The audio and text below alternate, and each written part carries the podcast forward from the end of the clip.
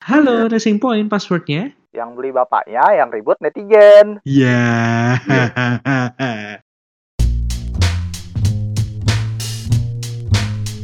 ya kalau semua pembalap taruh di Mercedes dia bisa jadi OP tapi belum bisa challenging ke Hamilton juga AT-nya. Exactly.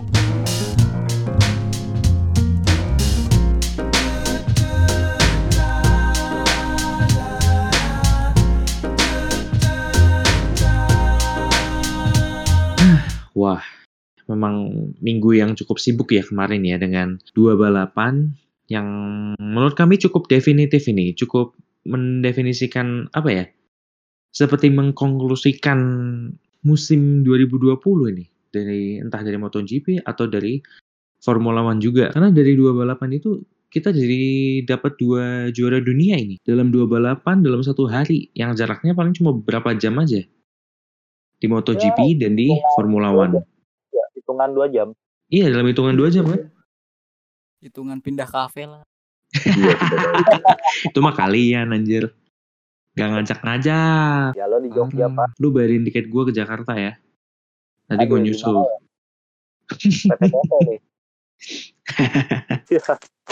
Masa yang di Jakarta aja gak ada operasional buat beliin lo tiket, Dit? Gimana loh? Yeay. Ya apa kek, urunan kek. Gua makan gitu kan kasihan. Gue juga pengen nyoba tuh Naughty by Nature. Iya sih. Iya, enak worth it kalau lo mau coba. Jadi gimana sih? Surprise. anjing. Makannya apa ya? Nanti Nature, minumnya apa ya? Starling pinggir jalan ya? Yoi. Ya biar balance itu biar nggak biar nggak kedodoran tuh dompet. Ini kan masa-masa pertengahan bulan kan agak-agak risky juga. Biar Sudah lancar. Sama dengan Iya. Yo,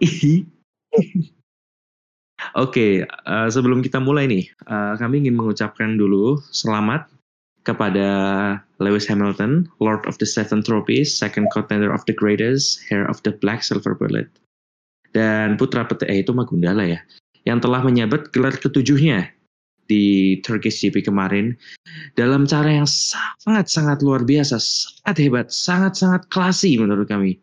Ini sepertinya salah satu balapan terbaiknya Hamilton ya dalam karirnya. Hmm, Menurut tergantung. kalian gimana? tergantung opini kalau menurut gue balapan terbaik bukan balapan terbaik seorang Lewis Hamilton bagi gue balapan terbaik dia itu masih Silverstone 2008 kalau gue Tapi masih masuk kan di top 10 gitu? Iya, ya.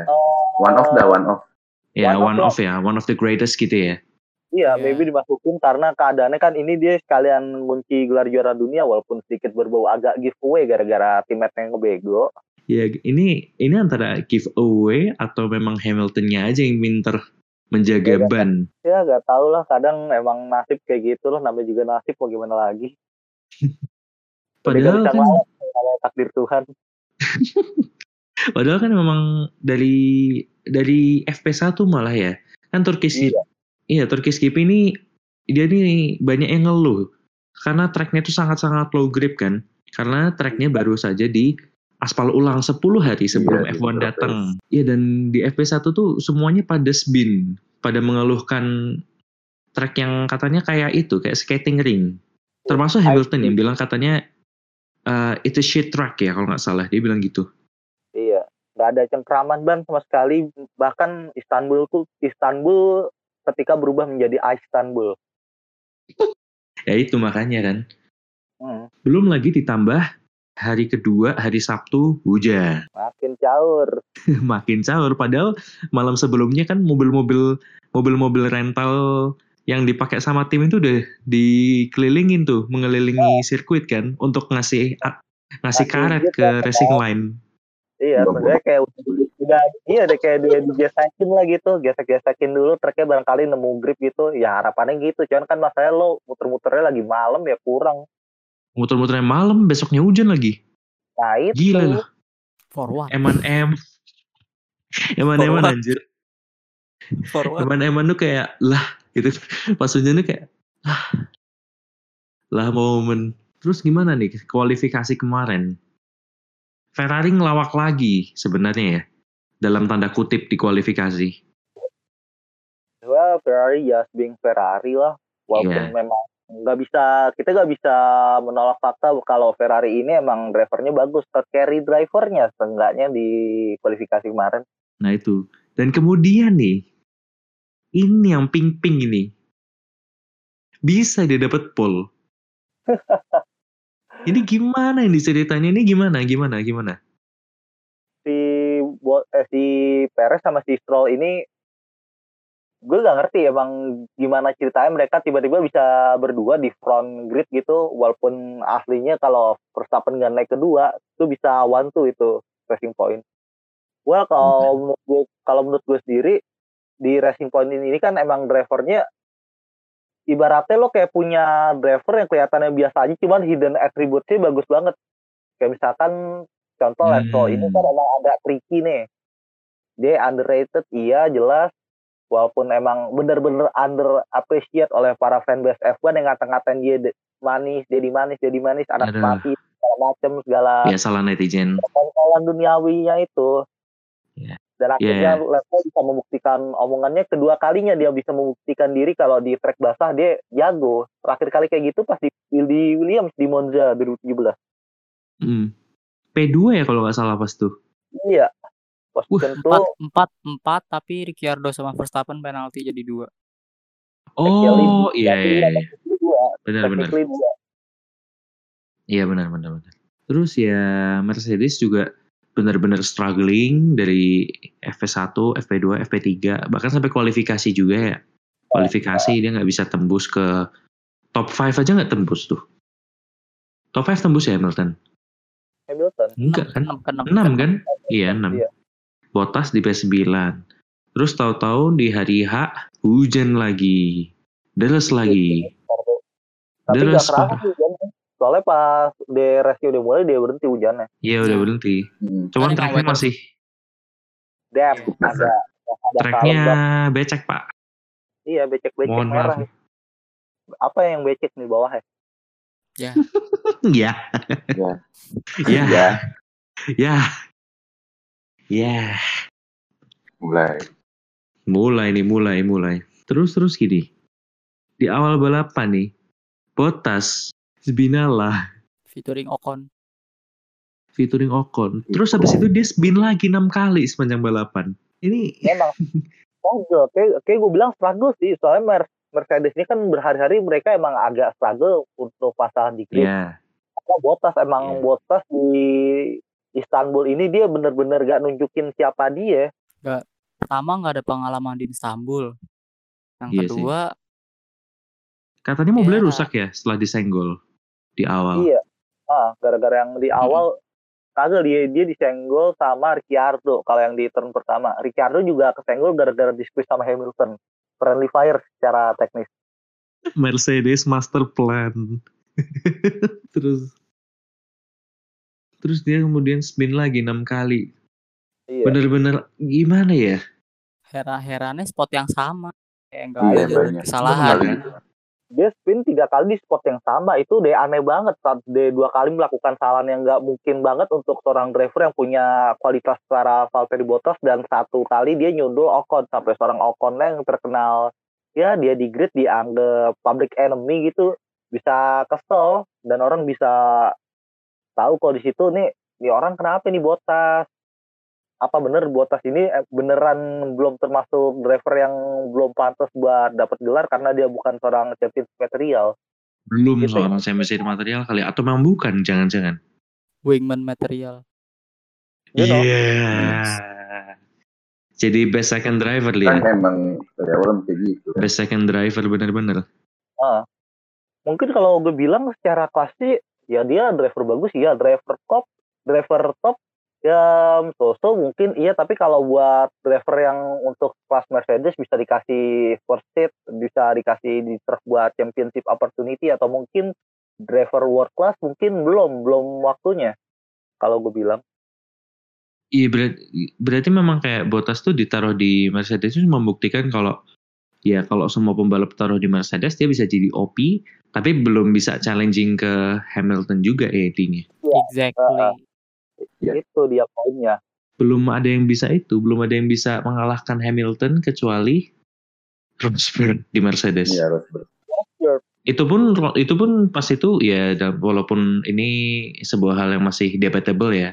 Katanya dia bilang Rosberg tuh jadi juara dunia karena luck gitu karena Hamilton apa kena gagal mesin di Sepang 2016. Oh no no no.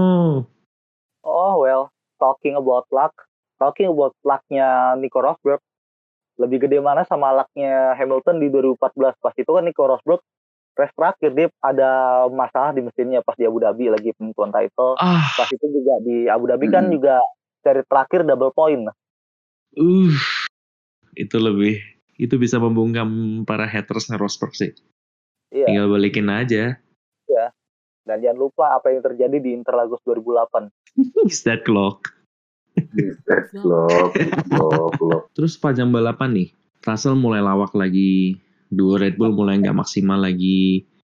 Bagaimana? Oke, kalau menurut gue sendiri ya, kalau Red Bull ini kan emang ya nasib sih kalau gue bilang dari dia pas kualifikasi si Max Verstappen-nya lagi apes gitu, terus Albonnya juga kebetulan kebetulan lagi bagus sih pas race juga lagi kebetulan bagus nih gue gak tau dia emang nunjukin talentnya soalnya kan track-track kayak gini kan emang agak tricky di sini driver-driver yang gak jelas sering banget naik makanya kan bisa kelihatan Hmm. kayak ya lo lihatnya kayak driver-driver kelasannya Giovinazzi tiba-tiba bisa tembus Q3 gitu dua Alfa Romeo kan aneh banget Iya. tiba-tiba jadi tim terbaik Italia tiba-tiba dipegang Iya. sama Udah nggak Kayak valid tuh berarti akuan Ah. kita beberapa episode yang lalu. Siapa tim terbaik di Italia? Alfa Romeo. Tapi ya gitulah mau apa dikata emang nasibnya bukan buat Red Bull soalnya Max Verstappen juga berapa kali mistake dan Albon juga udah kita malah dia mistake dia nge-spin segala macem Kayaknya terlalu itu dia, terlalu pede atau terlalu oportunis juga ya beberapa kali Verstappen. Mm. iya Hmm, Sampai dia kan- banyak. Mm-mm, dia kan di tengah-tengah kan sampai kegelincir banget kan gara-gara dia uh, going wide terus di daerah run off yang wide itu terlalu banyak air akhirnya spin deh. bannya jadi flat. Iya. akhirnya dia yang harusnya bisa mengejar posisi podium gak bisa udah terlalu udah apa out of reach lah intinya.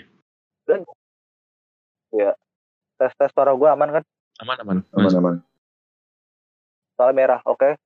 Oh iya gue gue lupa nih Bang, masalah Russell ini lo sadar Apa gak sih kalau Russell ini dua kali race dua race back to back dia nunjukin sesuatu yang nggak sesuai sama ekspektasi orang deh. Apa ngelawak? Yang lawak dia dia masuk pit entry tiba-tiba dia nabrak gitu. Terus juga pas race dia kayak gak kayak gak kelihatan gak kelihatan tuh Williams. Itu dua Williams di belakang gak kelihatan apalagi Latifi. Itu mah udah gak lah buat diangkut jadi pembalap kayak. Katanya Ini Latifi 10 lap. Katanya Latifi itu dia lebih lambat 3 detik daripada race leadernya setiap lap Iya. Orang dia lap 10 aja udah udah kena overlap. iya Iya, lap iya. 10 udah overlap kan Iya. Qualifying aja 24 detik di Keno. itu nggak kena 107% Latifi Enggak, soalnya kan situasinya lagi kalau lagi wet kayak gini gak mungkin. Kayak dulu kejadian di Hungaroring 2016. Oh jadi di itu ya di Toler bypass itu. lah intinya ya. Iya. Toleransi, Kayak di toleransi. toleransi, diberikan toleransi. Ah, I see, I see. Ini jujur nih, gue gak tahu kalau si Russell ini, ini emang dia yang kayak gitu, apa dia yang overhype. Kalau emang dia overhype, berarti dia bisa dibilang kalau ibaratnya kayak di bola, dia sama kayak Jack Grealish sekarang yang lagi rame diperdebatin sama orang-orang. Iya, Iya. Skillful Sama but no Yang itu. iya, Skillful but no iya. Aduh nggak tahu deh tuh kayaknya. Maksudnya gimana ya, lo kayak gak adil gitu. Misalkan kayak perbandingannya seorang Lance Stroll ini, kalau misalkan driver-driver kayak Lance Stroll, atau mungkin Antonio Giovinazzi lagi ngelawak, ya dikatain gitu he does deserve bla bla bla bla bla bla bla bla pada ngelawak cuma sekali dan lo lihat Russell lagi ngelawak parah gitu back to back masih banyak mistake orang masih bilang he deserve a seat he deserve Mercedes seat he deserve bla bla bla he's a Itu lebih itu kan. Lebih Iya, nunggu ke akhir season lah at least. Dia masih dua tapi- dua kali ngelakuin mistake kan. Kalau dia Iya. terus-terusan selama enam bulan gitu dia terus-terusan melakukan kesalahan yang sama ya nanti pasti opini masyarakat akan ber- akan berubah. nggak tahu kayak kayak susah buat ngurubah masa itu opini yang keluar dari mulut-mulut orang Inggris as you know orang Inggris Iya. kalau ngasih opini ke Iya. orang-orang lokal mereka mereka bakal Ya, aneh local opini pride, Pak. iya tapi lokal Pak, pride local juga pride, Pak. lokal Haryanto paling belakang di Indonesia juga di perautan. Iya. ya ini beda pak konteksnya masa ini seberapa defend mereka masih udah berkali-kali kejadian kayak gini gak cuman di balapan mungkin di seluruh olahraga termasuk MotoGP atau mungkin yang parah sih bola sampai orang mediocre kayak gitu dibelain giliran ada orang bilang sih dia gak punya visi modal goceng-goceng doang malah dikata-katain. Anjing. Aduh. Aduh, aduh, aduh. Gak tau lah.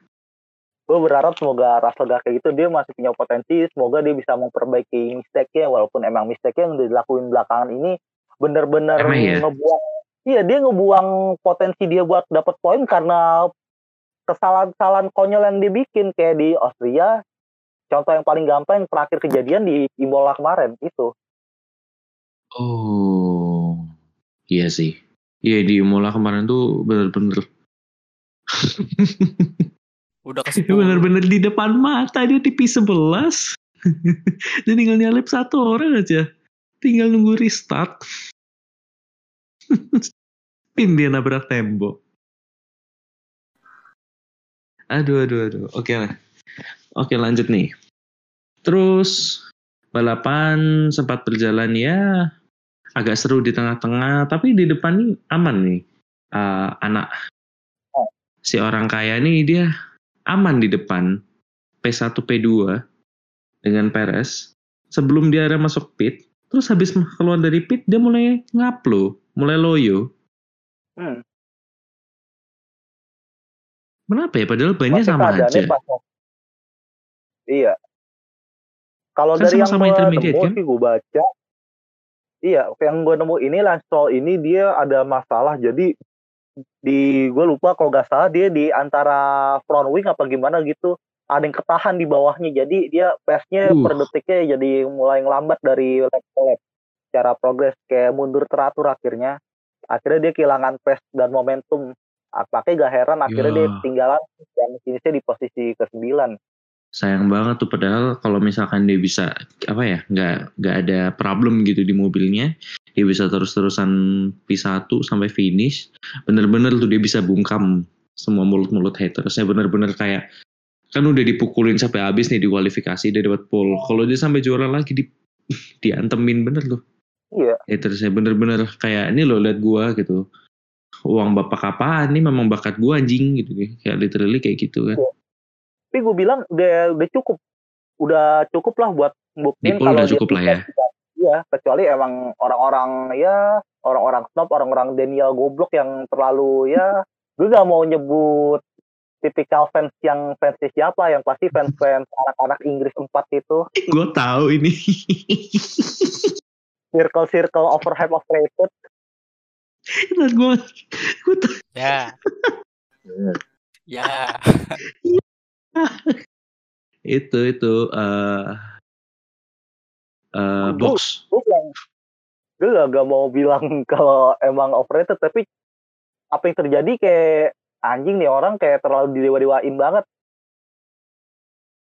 Ya kayak gimana ya tapi lo ngedewain satu orang karena dia ya anggapannya anggapannya dia punya skill segala macam bla bla bla dia tembus dari akademi. Oke dia dari akademi terus ada satu driver lain dia punya skill juga punya talent juga sama tapi dikata-katain karena dia pay driver. Punya duit bapak Ah, dengan alasan pay driver gitu apa mereka gak sadar apa buat ikut balapan aja lo harus punya duit. Pada dasarnya sebuah pembalap ya, aja pay driver. Iya event yang balapan mereka maljing iya event yang mereka bener-bener junjung. Asli dia seorang driver bapaknya juga sultan di kotanya. Iya emang gitu gimana ya do- double standard kayak gitu tuh bakalan ada? Apakah karena base nya juga ada kes faktor kesirikan gitu? Nggak tahu emang ya gitulah. Kadang kalau kita udah bahas fanbase segala macem susah. Soalnya emang rada-rada aneh orang-orangnya agak sakit. Ya begitulah kalau fanbase. Terus nih Hamilton. Kok bisa dia 30 lap lebih sama ban intermediate intermediate ya dengan jarak Empat. gitu 40 ya malah ya. iya 40 Hmm. kalau gue 26 kalau nggak 10. Wah, ini sebenarnya kalau gue baca, um, Merce- apa mobil Mercedes dengan ban intermediate, dia itu eh, kan gini, temperatur ban itu kan ada dalam satu rentang jendela. Iya. Nah, dalam mencapai rentang jendela suhu yang tepat, Merce- eh, apa Mercedes ini mencapai waktu yang cukup lama, makanya dia dikualifikasi eh, ngupload ngupload kan di FP1 juga FP1 23 juga lumayan ngupload gitu. Apalagi di FP1 FP ya. Memang benar-benar Iya. ngupload. Cuman dia itu mencapai apa temperaturnya itu cukup lama gitu loh. Nah, Iya. kemarin Hamilton itu dia bisa dia bisa sustain dengan ban itu karena dia mencapai di di temperatur itu dan dia bisa memaintain temperatur tersebut gitu sampai habis. Kalau Iya. misalkan ada safety car atau ada red flag gitu di tengah-tengah, nggak bisa Hamilton menang Hmm. karena dia temperatur yang dia kumpulkan hilang semua dan dia harus Momentumnya mengumpulkan lagi. hilang. iya momentumnya hilang Hmm. Momentumnya hilang. Dia ini Hamilton ini bisa terus menjaga momentum sampai akhir balapan. Dia dapat gitu dia dia dapat pace-nya, dia dapat momentumnya dan dia bisa mempertahankan itu sampai akhir. pengalaman It- pengalaman Pengalaman, iya. Iya, balik pengalaman sih.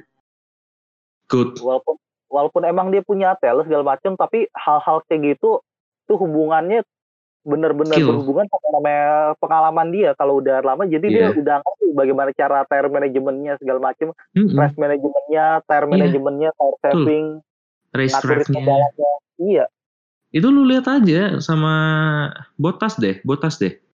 Lihat dia dia kan nggak bisa perform kan karena ya ban temperaturnya nggak bisa mencapai maksimal long dia spin 6 kali, tiap kali dia spin temperaturnya hilang semua. ditambah Dia harus- flat spot. Ditambah Ada flat flat spot di spot lagi, Ada mobilnya lagi. vibrating. Mm-mm. iya Gitu sih. Jadi ini untuk mengkonklusi aja deh. Terus tahu-tahu di akhir langsung nih kita lompat ke akhir ya. iya Tahu-tahu di akhir Leclerc ini terlalu ambisius dia sampai melebar. Terus diambil itu satu spotnya sama Vettel. akhirnya giveaway podium Akhirnya giveaway. Padahal Jadi kita- yang shining terus-terusan Leclerc kan selama balapan. iya Hmm. Tapi benar-benar kayak ya punten selur. Leclerc yang balapan di depan Vettel menjaga ritme balapannya dia dia Iya bisa sih. Di samping emang Sebastian Vettel sebenarnya dia ini kan bisa dibilang one of the best drivers in the grid yang kalau di balapan keadaan hujan kayak gitu bener-bener bagus, bener-bener jago. Iya emang. Kalau Vettel jago emang.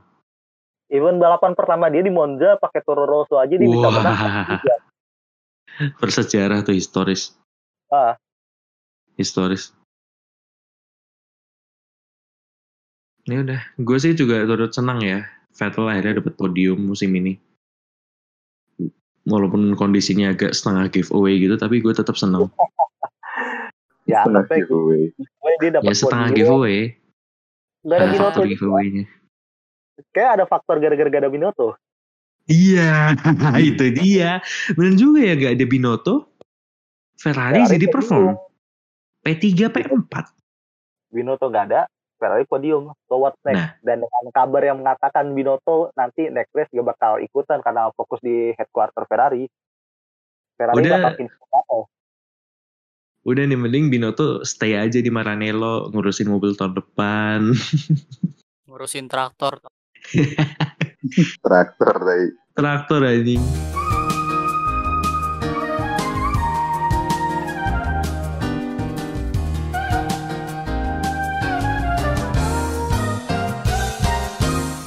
Kemarin ada balapan yang basa-basa be- becek di Istanbul.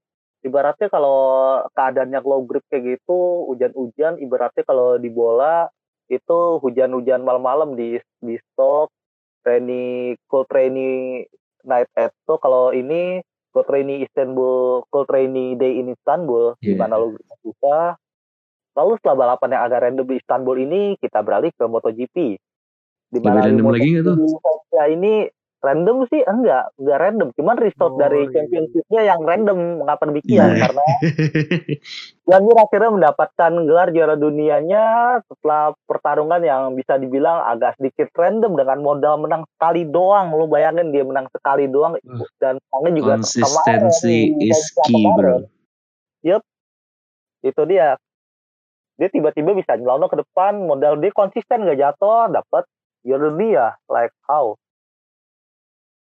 Dengan orang-orang masih berpikir bagaimana ceritanya, di sisi lain di samping emang John Mir yang dia driver berbakat dan juga Suzuki yang lagi naik, John Mir ini dia bisa juara dunia karena ada banyak faktor nih.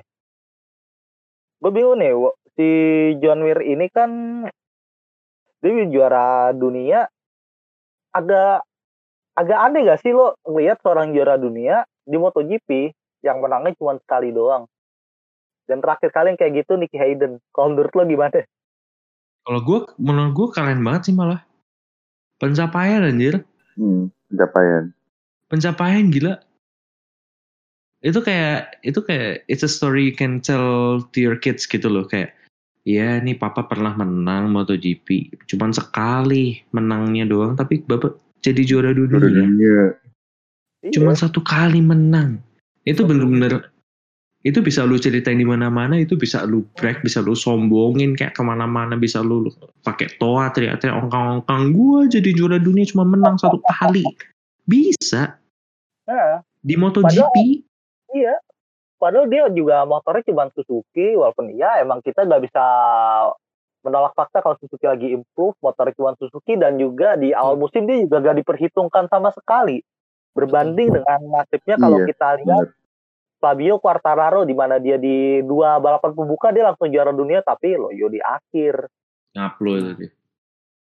Itu itu masih Fabio Quartararo tuh Fabio Quartararo tuh loyo kayak itu tuh kayak perayaan podiumnya Turkish GP kemarin juga tuh cerotnya agak lemah Ya. gimana ya? Kok ngecrot? ya kayak awalnya promising kan tapi kok hmm, afternya kok agak hmm, ada kurang kayak mungkin Iya. yang nggak usah jauh-jauh mungkin ada juga rider lainnya seperti Andre Dovizioso juga dan juga teammate-nya John Mir, Alex Rins yang agak angin-anginan walaupun kelihatannya menjanjikan.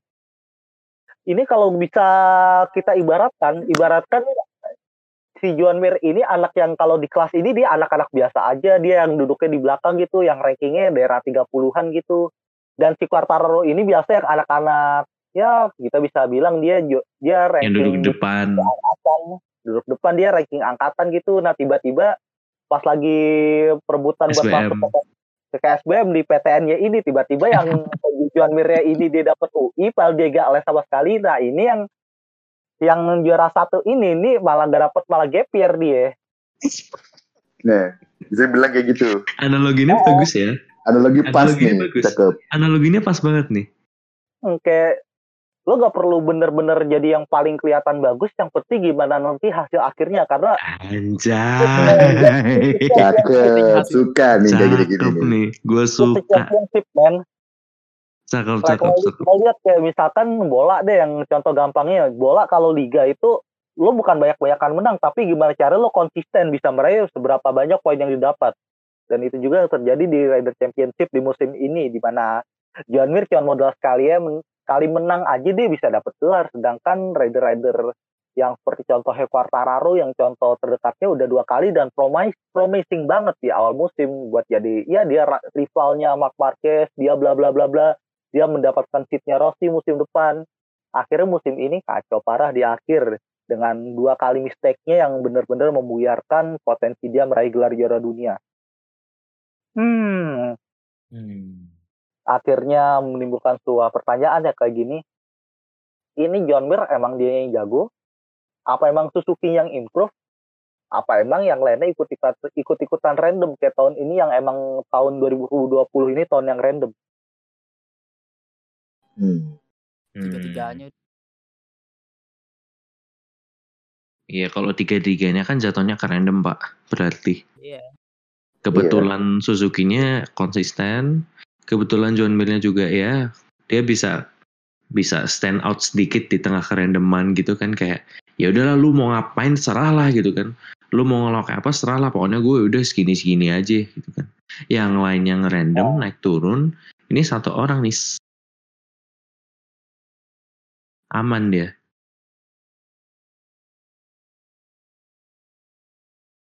Ya, Emang serandom karena apa sih? dari selain Honda yang dengan oh iya Bang Marquez tuh gimana tuh?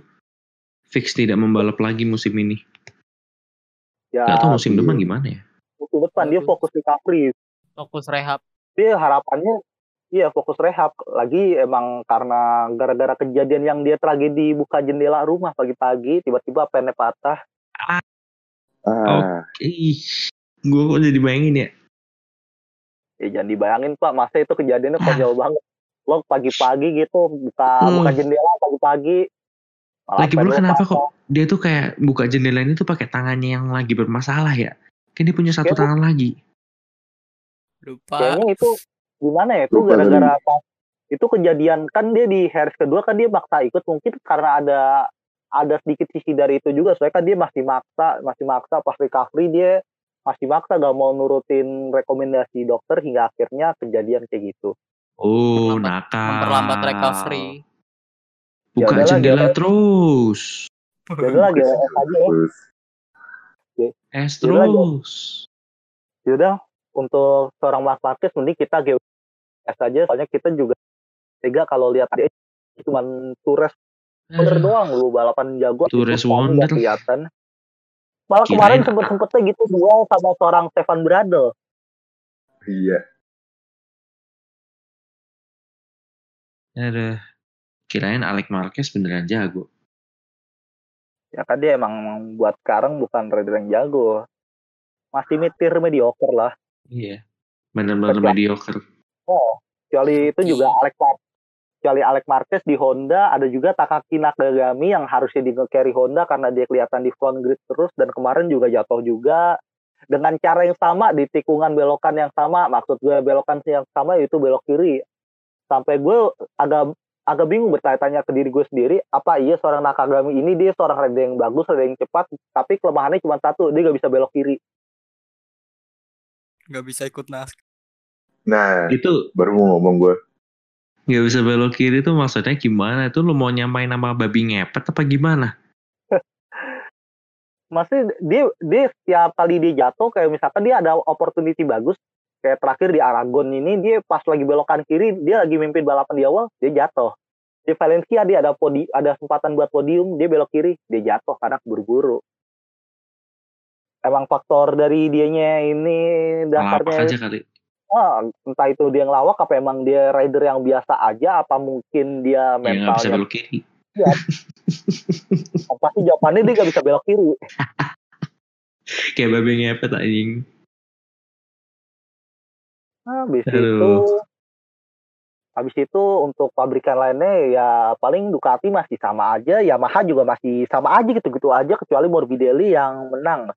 Tapi Morbidelli ini menang kan dia emang stabil banget itu di depan sama kayak Jack Miller. Nah Jack Miller ini di sini malah gue bilang dia kelihatan banget. Dia udah mulai bisa mengatur race manajemennya gara-gara dia gak mau kok ulang lagi kejadian pas di Austria di mana dia kehabisan ban duluan. konsistensi Tapi balap- Ya, udah mengatur sampai akhir. Nah di akhir balapan ini, Jack Miller mencoba untuk ngambil tiap kesempatan yang ada untuk ngambil Morbidelli, tapi apa mau dikata fightnya kentang banget. Emang ini, ini jujur race kentang banget pasti race di Valencia sampai akhirnya. Iya kayak kayak San Mori gitu, San Mori di Ricardo Tormo. Sing San. Mori Ditinggal nuga. Ada yang beset. Ada yang ada yang beser. Anjing anjing. Anjing itu kayak TikTok yang lagi ngetrend tuh apa sih namanya? Emangnya sampai diajak touring nggak pernah ikutan. Ini kena sensor nih nanti lihat aja. touring. Tapi ya akhirnya dari balapan ini bisa dibilang di samping balapan yang kentang di sini juga kelihatan kalau si John Mir ini dia emang fokusnya buat kunci gelar sampai akhirnya dia finish ke posisi ke-6 ya kalau gak salah ya, sampai ke-7 lupa gue. pokoknya antara-antara situ gue lupa. Oh iya thank you di finish ke 6 akhirnya di finish. Dengan modal finish ke 6 dia bisa juara dunia karena emang konsistensi dari awal. Dan MotoGP di Valencia ini gak berakhir sampai situ aja karena Tujuh di kar- oh oh Gue baru Google tujuh. Iya, nggak apa-apa, nggak apa-apa. Ngantuk, ngantuk, sorry. Nggak Berarti apa-apa, berarti dikat. Berarti Iya, dikat dari awal. Dan balapan di Valencia ini emang agak sedikit tentang dengan balapannya yang nggak banget. Kalau gue bilang nggak banget buat dinonton. Agak ngantuk dikit tapi kalau emang kalian yang pengen nungguin momen seorang Yormir untuk rekan juara dunianya silakan. Ya secara overall B aja biasa aja aslinya. Dan di Moto2 Moto3 sendiri masih terbuka lah untuk perebutan championshipnya. Untuk di Moto2 sendiri masih susah untuk ditebak karena ada seperti Ene Bastianini, Luca Marin dan juga Sam Lowe yang masih rebutan. Dan di Moto3 ini random banget masih belum ketahuan dan di samping perebutan juara dunia yang masih random untuk pergelaran MotoGP di Valencia ini masih random banget mengingat banyak kasus yang terjadi seperti contohnya kasus COVID yang tiba-tiba ini nggak jelas banget Nggak jelas anjir. gue bingung nih omongan Jerings perkara COVID ini bener apa enggak? Omongan-omongan konspirasi perkara COVID ini bener apa enggak? Kalau COVID ini asli virus gak jelas. Iya. virusnya nggak jelas gitu. Bukan nggak jelas virusnya nggak jelas, tapi skena virusnya nggak jelas. Nah, maksudnya kayak bolak-balik Geganosi kan. negatif, Hah, Kena- positif, negatif, positif, negatif, tapi gak jelas banget. Protokol di MotoGP-nya sendiri gue bingung gimana mereka ngetesnya, terus juga dari protokol kesehatannya juga ngebingungin. Maksudnya kan beberapa waktu yang lalu kan juga ah, ada beberapa kru dari Maverick Vinales yang ditarik karena positif Iya. corona, sehingga akhirnya di weekend kemarin Iker Lecuona juga gak bisa ikut karena dia kena Kok lebih COVID. lebih parah saya sih. Kok lebih parah daripada F1 ya? F1 kayaknya Nah, ayam-ayam aja tuh walaupun tadi baru ada kabar kan kalau uh, bosnya Pirelli kena positif juga setelah Nah, dari Istanbul. Makanya itu gue gue bingung nih sebenarnya di MotoGP ini kayak gimana nih protokolnya sendiri apa iya PVK protokol sistemannya cuma kayak kafe-kafe gajah di Jakarta kan ada hand sanitizer di depan doang depan satpam abis, abis itu udah masuk udah lo kelas mau ngapain mau ngopi mau cokil di Dibagiin masker 20 ribu. Hey. masker dua puluh ribu kena denda lima juta lima puluh juta kena denda Iya, Sama iya. pejabat sama jabatan juga. Iya denda lima puluh juta. iya denda lima puluh juta. Tamunya ada dua puluh ribu lima puluh juta yang bayarin dua puluh ribu orang. Yang kan yang diundang dua puluh ribu. Denda lima lima puluh juta. Parkirnya dua ribu tiga ribu. Udah lo biaya parkirnya bisa nutup. Denda covid lima puluh juta. Gak guna anjing. Ya, kalau 50 50 M gitu oke 50 juta anjing. Iya itu mah tinggal lu udah bayar aja kayak anggap aja apa kayak Beli masker. Iya. Anggap aja itu kayak tambahannya kloter zupa supnya Nah, Zup. gitu kan. Kayak ya ini nambah lagi nih kloter satu yaudah 50 juta kasih dah. Kambing guling datang lagi. Iya. oh, Iya. kambing kambing gue kambing guling anjing anjing daging onta. Onta guling ini. Anjing. Kayak kita udah sampai di penghujung episode kayaknya. Iya dengan udah udah. yang agak random banget dan juga kemarin dari kerandoman pas kita nonton juga banyak kejadian random juga kayak asli kan gua Imam sama Esa ini gue bertiga nobar di NBN emang pas itu dengan segala kerandomannya kita makan di sono pulang-pulangnya kita minum Starling biar parkir juga PT-PT dengan segala kerandoman dan segala kerandomannya ini dan juga race yang agak random juga mengkapi weekend kita yang emang agak random walaupun juara dunianya juga agak random karena emang udah ketebak dari awal mau gimana lagi Iya. kita udah angkat tangan aja karena juga bukan kita yang nentuin juara dunia eh yang juara dunia juga nentuinnya juga bukan kocokan arisan Iya. thank you banget untuk lo semua yang udah datang ya thank you banget Citra Iya, thank you thank you. dan thank you banget buat Eca yang ngeluangin waktunya dari ngerjain tugas sekolahnya yang rada ribet banget kata aja gue gak tau noh buat video. Ya gitulah. Buat video itu tugas buat paling video itu tugas paling laknat katanya ya. Kalau gue sih enggak ya. Gampang. dan juga thank you banget buat kalian semua yang udah mendengarkan siaran ini tetap sehat selalu jaga kesehatan dan semoga kalian juga masih tetap fit di tengah kondisi pandemi yang rada gak jelas dan random seperti ini Jaga kesehatan mental, jaga kesehatan fisik. And kurangin set boynya semangati diri kalian dan Iya. tetap Iya. aduh, ini gue merasa tersindir nih. Duain. Ini gue merasa tersindir nih.